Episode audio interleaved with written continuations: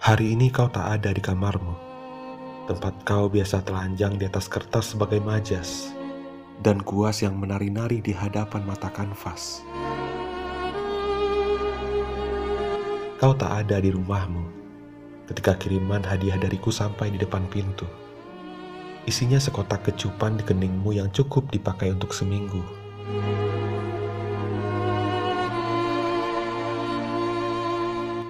Kau tak ada di kafe yang lengang, taman dan perpustakaan, tempat kau biasa merawat pikiranmu yang gemar jalan-jalan, tanpa harus menyakiti tubuhmu yang menyukai keheningan.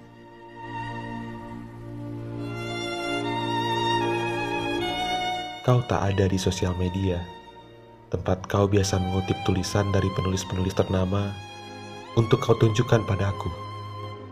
Padahal, Aku ingin kata-kata yang kau sembunyikan di balik jantung puisi-puisimu. Kau tak ada di kota ini. Tempat kau biasa mengungut beberapa frasa dari kaca-kaca gedung tinggi.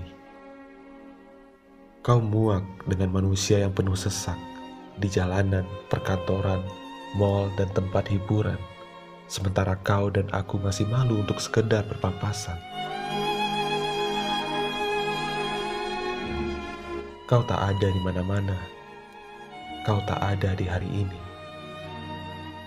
Kau mungkin sedang tertidur pulas di dalam sebuah tanda tanya pada tubuh sebuah puisi. Atau kau sengaja menghilang agar rindu belajar berlari.